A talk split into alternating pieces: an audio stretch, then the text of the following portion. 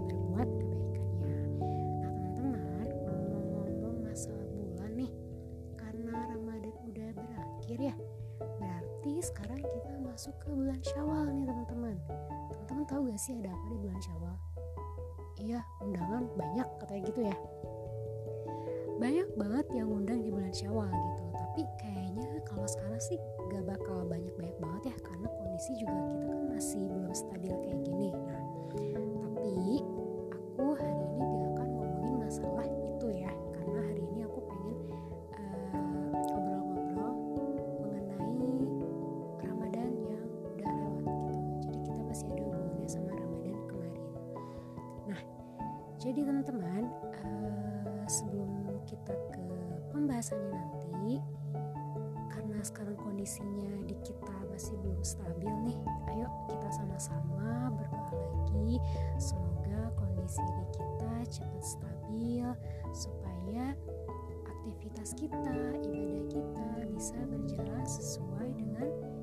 Sebelum-sebelumnya nih teman-teman. Karena dengan kondisi seperti ini aktivitas kita jadi terganggu ibadah kita apalagi gitu kan. Sekarang banyak banget masjid-masjid yang ditutup buat sementara. Kita gak boleh ke masjid eh, ibadahnya terbatas gitu. Jadi semoga eh, semuanya cepat kelar cepat pulih lagi supaya kita bisa beraktivitas seperti sedia kala.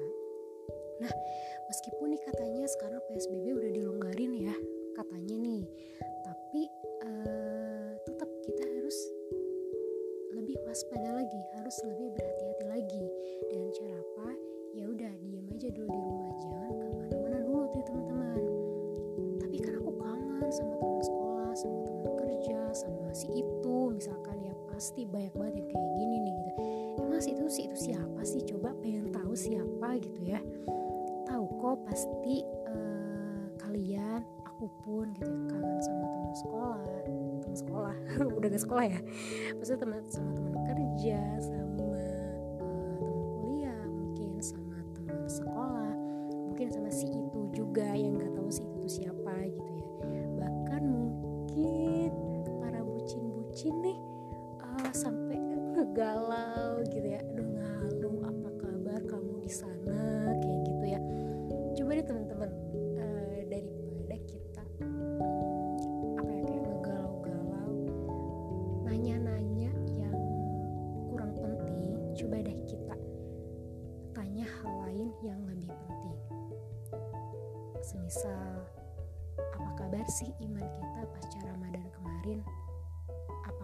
kebaikan-kebaikan kita dan ibadah yang kita lakukan di Ramadan kemarin ini masih bertahan sampai sekarang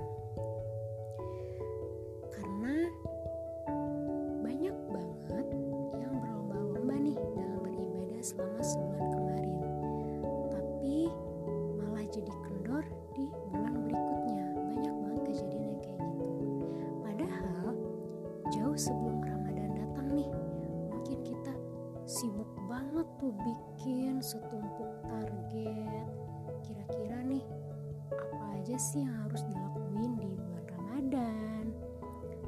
Terus ibadah apa aja yang harus dijalanin? Pasti dong kayak tadarusan kiamulailnya sholat duha sedekah bahkan amal-amalan lain pun dijalanin.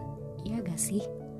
Nah semua itu biasanya ya kita lakuin tuh eh, harapannya pasti kan supaya Ramadan di tahun yang kita jalani sekarang sebelumnya. Iya bener banget itu Karena kita pasti gak mau dong jadi manusia yang merugi ya gitu. Misalkan nih Ramadan tahun 2019 ibadah kita tuh uh, apa namanya jor-joran banget gitu pokoknya ngegas banget. Sedekahnya luar biasa masya Allah deh pokoknya gitu ya. Terus duhanya gak pernah lewat bahkan sekali dua 10 rakaat misalkan nih tadarusnya misalkan digas terus gak ada rem sama sekali. Sehari 5 juz misalkan. Misalkan ya ini ambis banget nih misalkan. Nah jangan sampai di Ramadan berikutnya kita malah jadi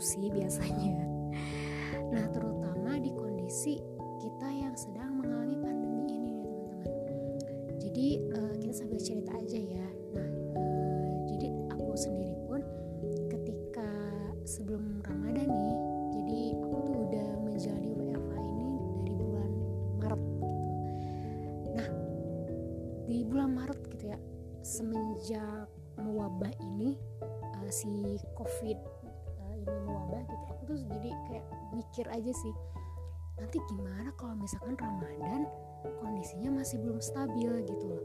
Jadi yang di pikiran aku tuh waduh gak bisa bersama teman gitu kan. Maksudnya uh, terus gak bisa kajian gitu. Terus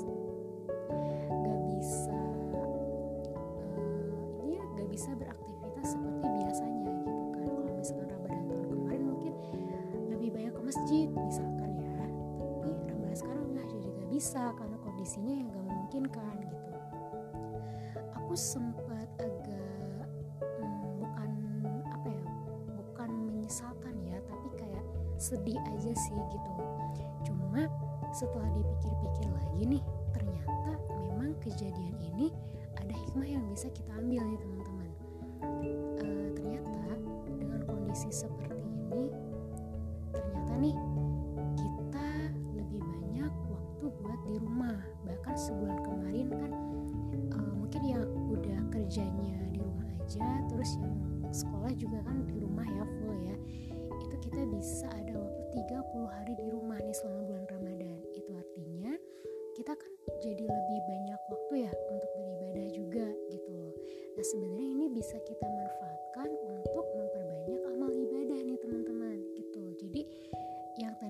kesel-kesel sama kondisi kayak gini ayo kita rubah sekarang sudut pandangnya nih. Jadi kita ya cari hikmahnya aja deh di balik semua kejadian gitu ya. Karena gak mungkin kejadian itu tanpa ada maksud gitu kan. Dan di setiap kejadian itu pasti selalu ada hikmah yang bisa kita ambil. Nah nah ngomongin masalah semangat ibadah nih yang tadi uh, kira-kira nih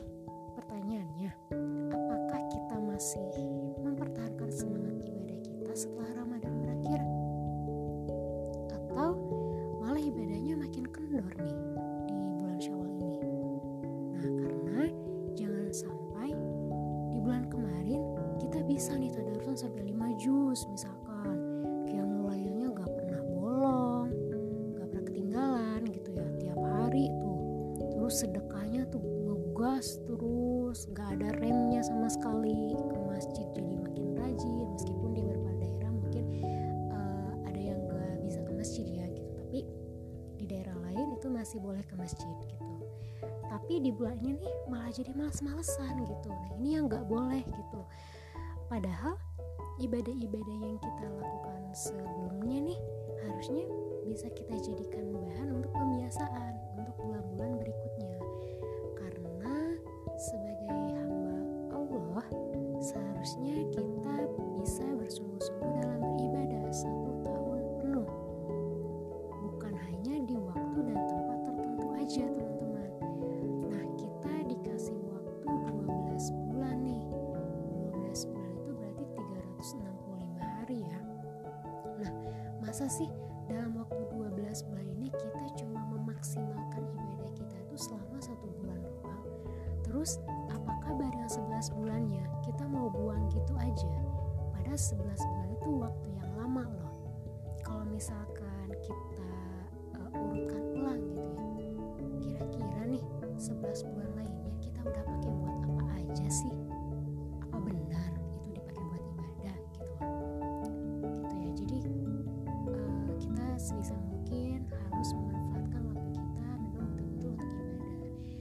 kerja pun itu adalah sebagian dari ibadah.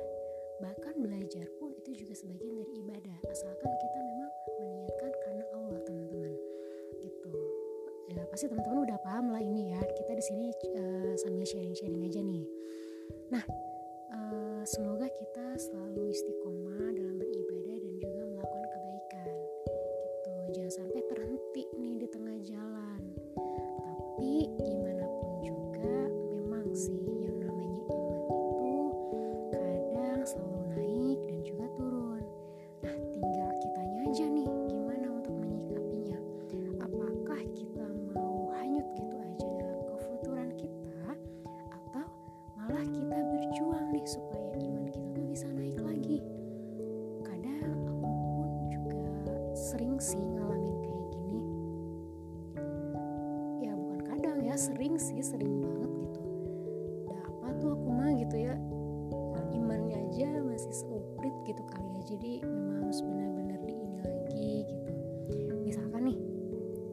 lagi sholat gitu ya apalagi pas di bagian sujud gitu.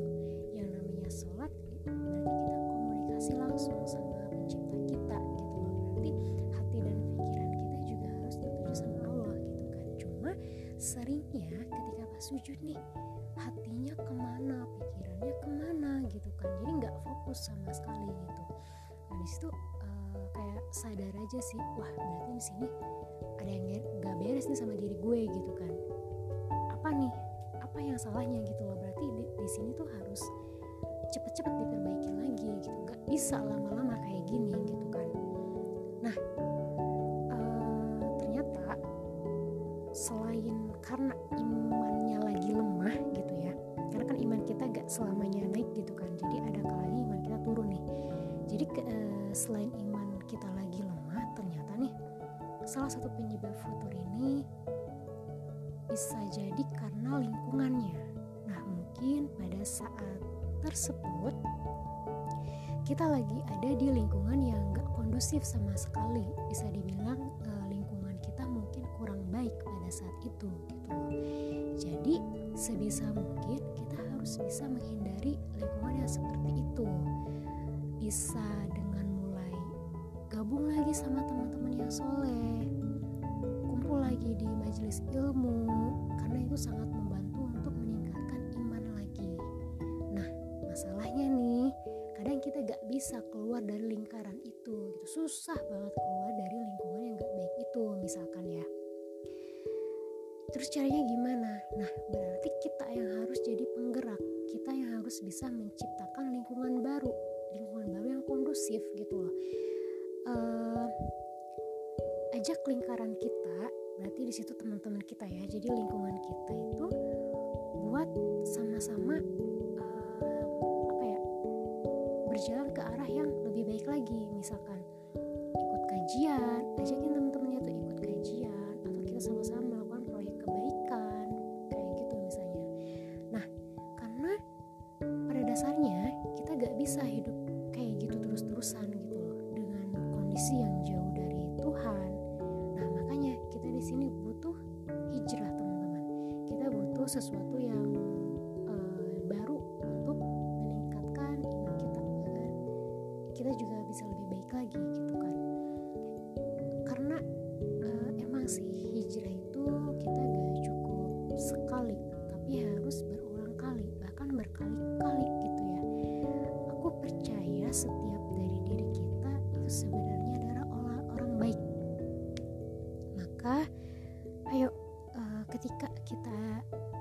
salah nih dari diri kita.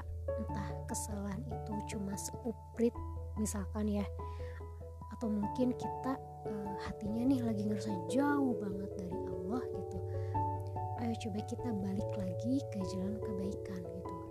Allah tuh sebenarnya kangen tahu sama kita. Masa sih kitanya nggak kangen gitu loh? Kan nauzubillah ya kalau misalkan sampai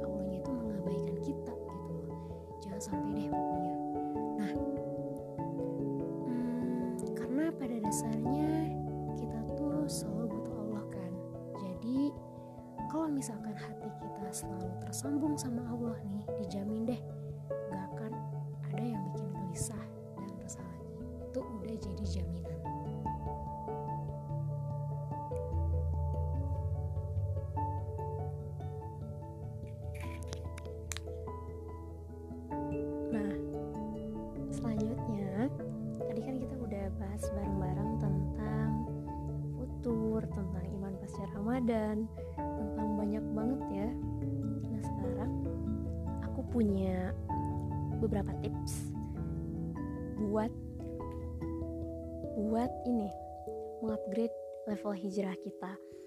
kan sebenarnya ini judulnya juga sesuai ya level up. Dan level up di sini memang uh, rujukannya sih ke hijrah gitu loh. Nah yang pertama itu adalah kita harus rajin-rajin cari ilmu rajin-rajin menuntut ilmu. Karena kalau kita lagi hijrah kan artinya memang kita butuh banyak ilmu ya. Kita butuh banyak ilmu biar uh, pengetahuan kita semakin bertambah setiap harinya. Biar kita nggak cuma tahunya itu itu aja gitu.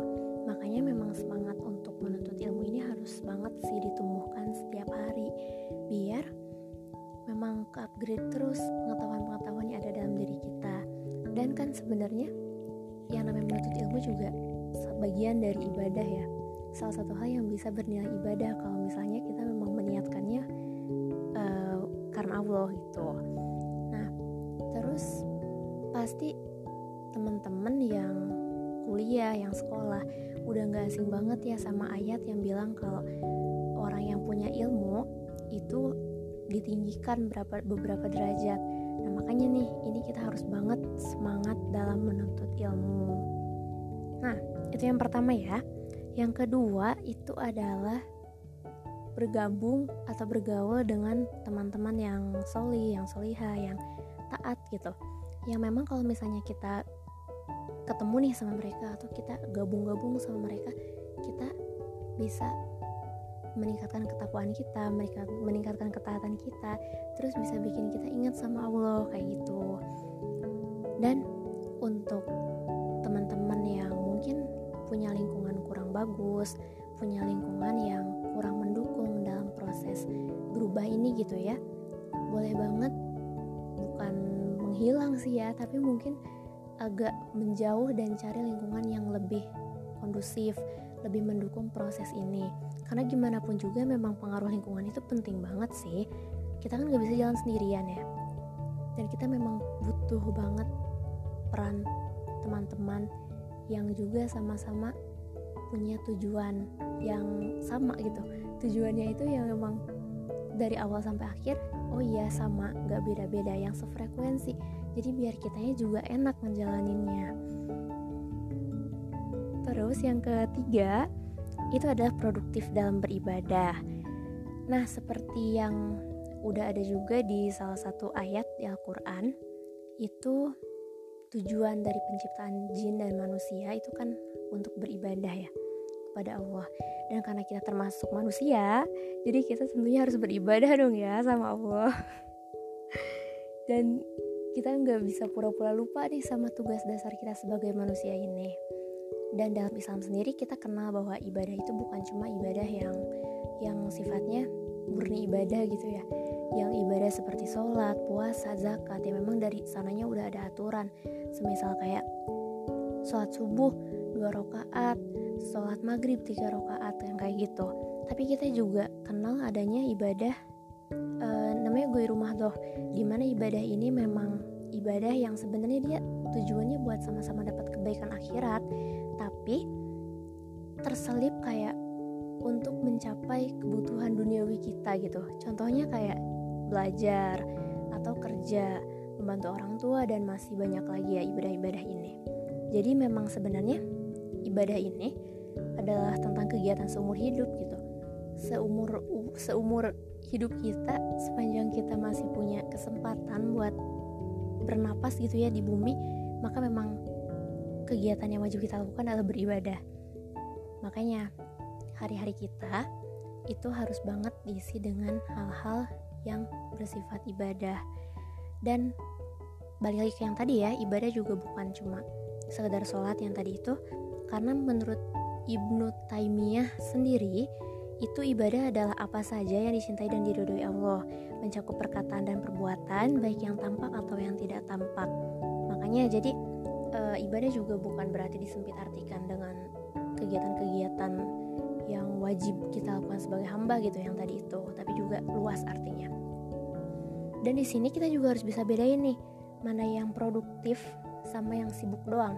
Kalau yang produktif itu mereka punya tujuan di dalamnya dan tujuannya ini yang pastinya jelas gitu ya. Nggak bukan tujuan yang asal-asalan. Dalam hal ini nih produktif dalam beribadah artinya pasti di dalamnya ada Allah. Di awalnya juga ada Allah di akhirnya juga ada Allah. Karena memang orang-orang yang produktif dalam beribadah pasti orientasi mereka itu adalah untuk kehidupan akhirat kan bukan untuk duniawi.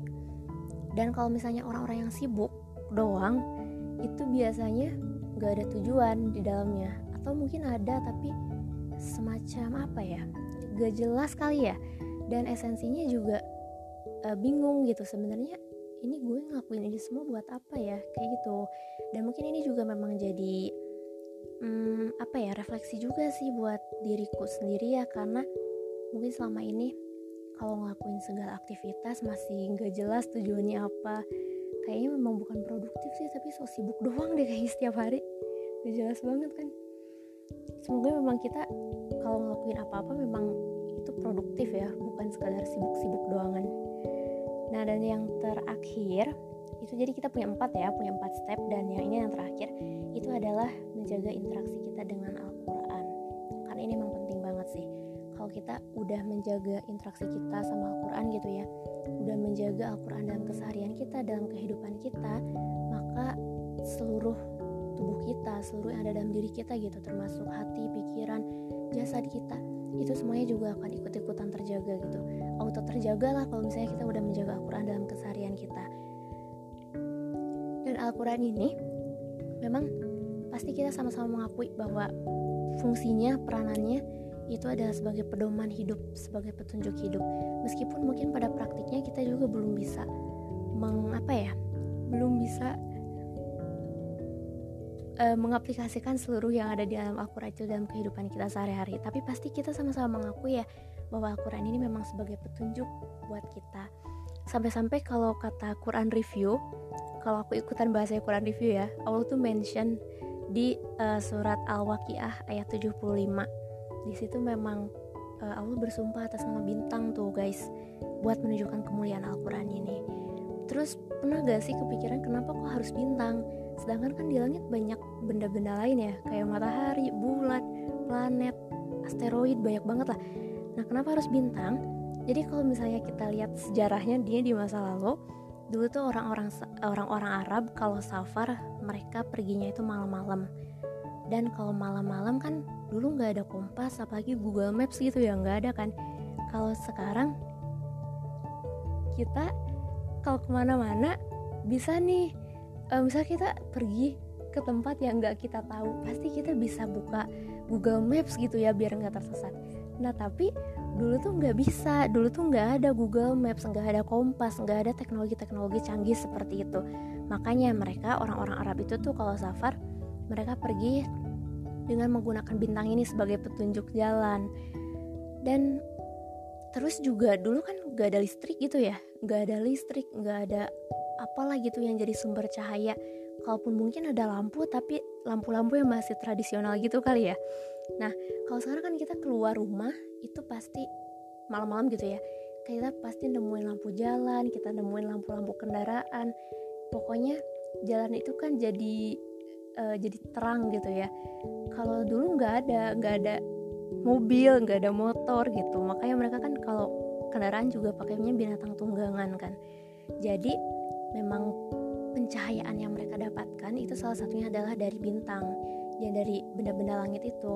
Makanya sebenarnya ini bisa kita tarik nih kesimpulannya yaitu bahwa sebenarnya Allah pengen lihat eh pengen lihat sorry pengen nunjukin bahwa Al-Quran ini posisinya bukan sama seperti bintang ya tapi peranannya itu memang sama yaitu sebagai petunjuk dan juga sebagai cahaya di tengah kegelapan kayak gitu. Jadi menurutku sih memang kayaknya nggak beradab sekali ya kalau kita melupakan Al-Quran ini dalam keseharian kita. Apalagi kalau misalnya kayak kita melewatkan satu hari tanpa membaca Al-Quran. Sedangkan kita sendiri mengakui bahwa perannya itu adalah untuk petunjuk kita. Kalau misalnya kita lagi melakukan perjalanan gitu ya ke luar negeri atau ke mana lah dan kita butuh tour guide tour guide kan fungsinya tentu buat nunjukin segala macam gitu ke kita ya buat nunjukin arah terus buat ngejelasin apa-apa yang kita nggak tahu tentang daerah itu. Maka ini juga sama nih Al-Quran juga sama.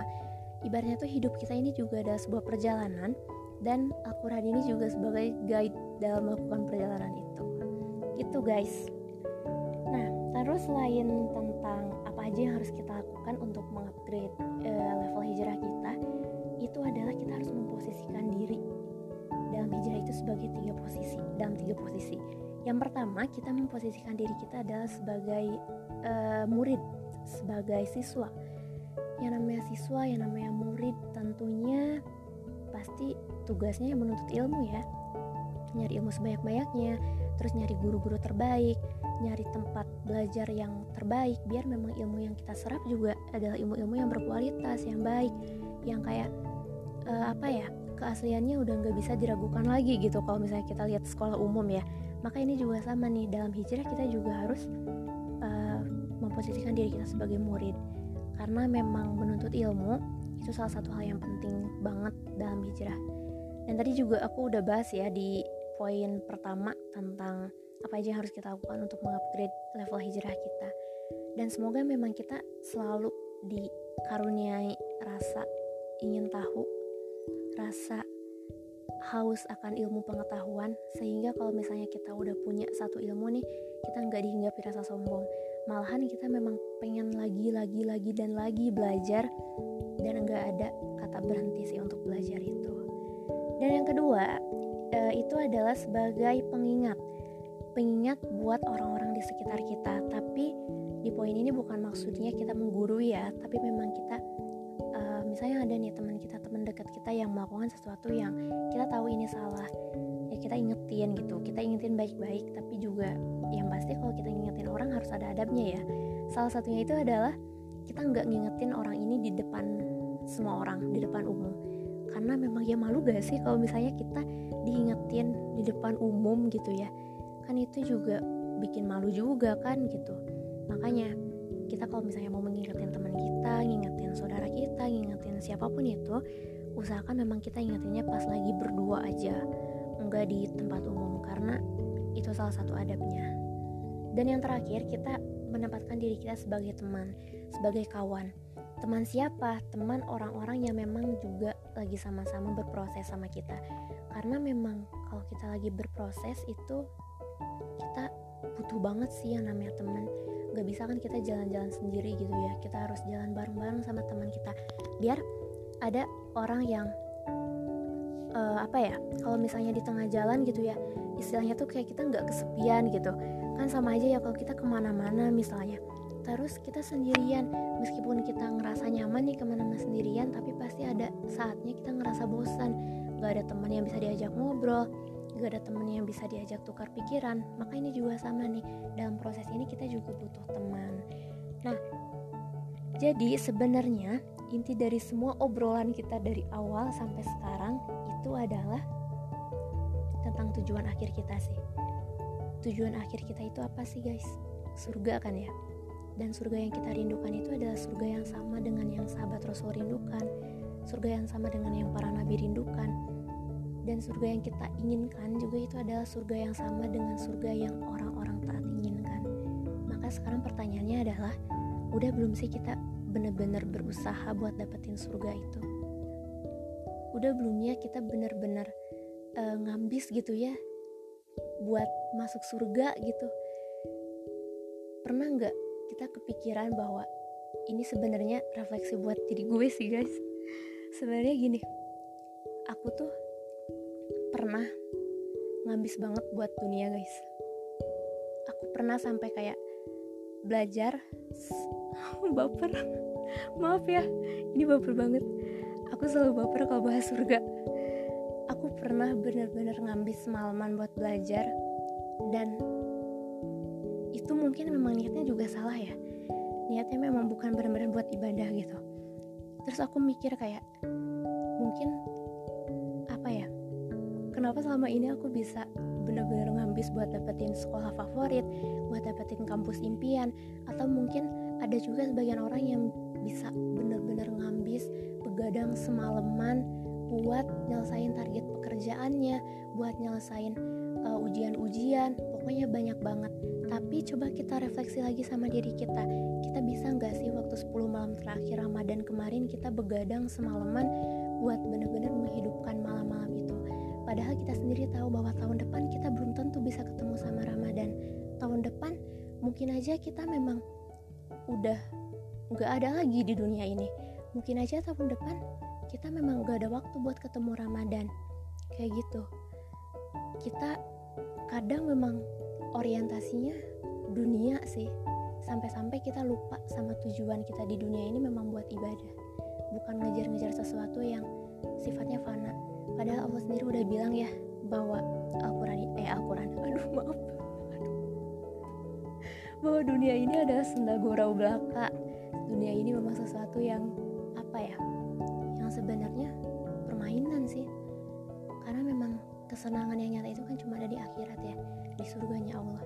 Karena surga itu ada sebaik-baiknya tempat kembali sebaik-baiknya tempat peristirahatan kalau di dunia kita mungkin sering iri-iri sama orang sering benci-benci sama orang sering apa ya sering ngerasa capek sering ngerasa lelah sering ngerasa jenuh bosan dan lain sebagainya kalau di surga udah nggak ada Allah cabut semua rasa-rasa itu dan diganti dengan kenikmatan makanya kalau sekarang kita lagi ngerasain capek, kita lagi ngerasain jenuh dan berbuat kebaikan, kita lagi ngerasain capek gitu ya ibadah terus gitu.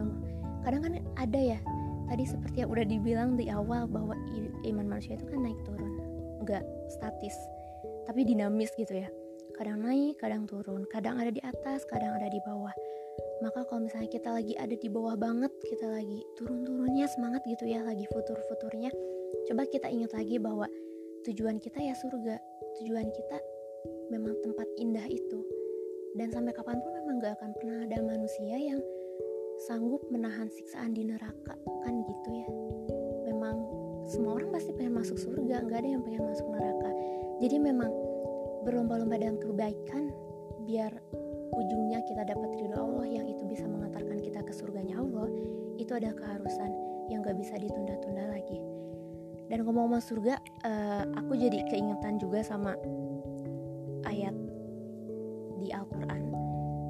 di surat Qaf ayat 31 sampai 34 di situ dijelasin tentang bahwa surga itu diperuntukkan bagi orang-orang yang senantiasa bertaubat dan menjaga aturan-aturan Allah. Lalu siapa mereka itu? Mereka itu adalah orang-orang yang senantiasa merasa takut kepada Allah, padahal mereka itu nggak pernah lihat Allah. Allah kan nggak terindra ya sama kita dan mereka ini ada orang-orang yang senantiasa datang ke Allah dengan keadaan hati yang bertaubat. Lalu kepada mereka ini dikatakan, masuklah ke dalam surga dengan aman dan damai. Kan keren banget ya maksudnya kayak kita tuh kalau misalkan masuk surga sampai dipersilakan masuk dengan keadaan aman dan damai. Siapa sih yang gak pengen keadaan terbaik seperti itu? Siapa sih yang gak pengen tempat kembali paling indah seperti itu? Tapi memang usaha kita masih gini-gini aja dan ini yang memang benar-benar harus dievaluasi setiap hari ini yang benar-benar harus lagi gitu ya. Harus diperbaiki lagi setiap hari. Kualitas ibadah kita tentang niat-niat kita juga untuk apa? Maka pertanyaannya sudah sejauh mana hijrah kita? Sudah sampai mana sih tahapan kita? Sudah level mana? Sudah berada di level mana gitu kita ini ya? Dan yang pasti memang kita harus perhatiin banget sih niat kita ngelakuin semua ini itu apa? Apakah kita pengen dapat popularitas? Pengen dapat pujian dari orang. Pengen jadi terkenal pengen dapat dunia mungkin. Atau kita memang benar-benar murni karena pengen dapat ridho Allah. Nah ini karena kan niat dalam Islam itu punya posisi yang penting ya. Sampai-sampai semua hal ini memang tergantung niat gitu tergantung niat kita ngelakuinnya. Dan semua orang memang akan mendapatkan apa-apa yang tergantung dengan yang dia niatkan. Kayak gitu. Jadi kita refleksi diri lagi. Sebenarnya selama ini kita ngelakuinnya buat apa dan niat kita apa. Dan ternyata udah banyak banget ya kita ngobrol. Terakhir sebagai closing statement aku mau mengutip perkataan dari mentor aku. Mentorku ini pernah bilang kalau proses hijrah akan terus terjadi sepanjang hidup kita. Maka pastikan tujuannya benar dan tingkatkan selalu level perjalanan hijrah kita agar kapasitas diri kita juga terus melejit dalam memahami Islam dan aku juga mau nyampein kalau ketika kita hijrah kita ketika kita berproses menuju keadaan yang lebih baik Allah nggak pernah menjanjikan bahwa perjalanannya akan selalu mudah. Allah juga nggak akan pernah menjanjikan bahwa hidup kita nggak akan dipenuhi dengan ujian gitu ya setelah kita memutuskan untuk berubah. Tapi Allah selalu menjanjikan bahwa apa-apa yang menimpa diri kita ujian-ujian yang menimpa diri kita itu pasti nggak akan melebihi batas kemampuan kita. Nah karena durasinya udah habis ternyata ya. Jadi jadi hmm, kayaknya udah cukup dulu deh ya di episode 3 kali ini tentang level up. Semoga memang apa yang kita bicarain nih malam ini ada hikmahnya ada manfaatnya. Dan jangan lupa seperti biasa ya kalau kalian ngerasa podcast ini bermanfaat podcast ini misalnya seru gitu ya boleh banget di share ke teman-teman kalian seluas-luasnya agar kebaikannya nggak berhenti di kalian. Dan kabar baik nih buat teman-teman.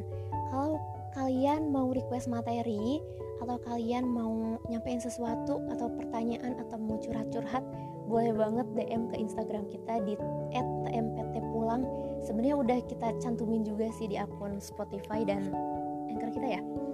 Nah jadi boleh banget di DM ya. Jangan lupa nih kalau bisa di follow soalnya nanti info-info podcast akan kita share juga di situ ya. Jangan lupa oke? okay? Dan pokoknya nanti kalau misalnya mau request langsung DM aja ya. Oh ya kita tayang setiap malam Jumat Kamis malam. Jadi kalau yang mau request usahakan dua hari sebelum hari Kamis ya. Berarti apa tuh? Selasa atau Senin deh kalian boleh nge-DM atau lebih cepet juga gak apa-apa misalnya besok mau langsung DM gak apa-apa boleh banget kok. Oke uh, udah dulu ya. Semoga um, kalian sehat-sehat selalu. Tetap jaga kesehatannya yang lagi WFH, yang lagi PJJ, semangat terus ya karena aku juga lagi PJJ dan yang sebelah aku juga lagi WFH. Semoga kita selalu dalam keadaan iman yang baik. Oke, okay. Assalamualaikum warahmatullahi wabarakatuh. Bye.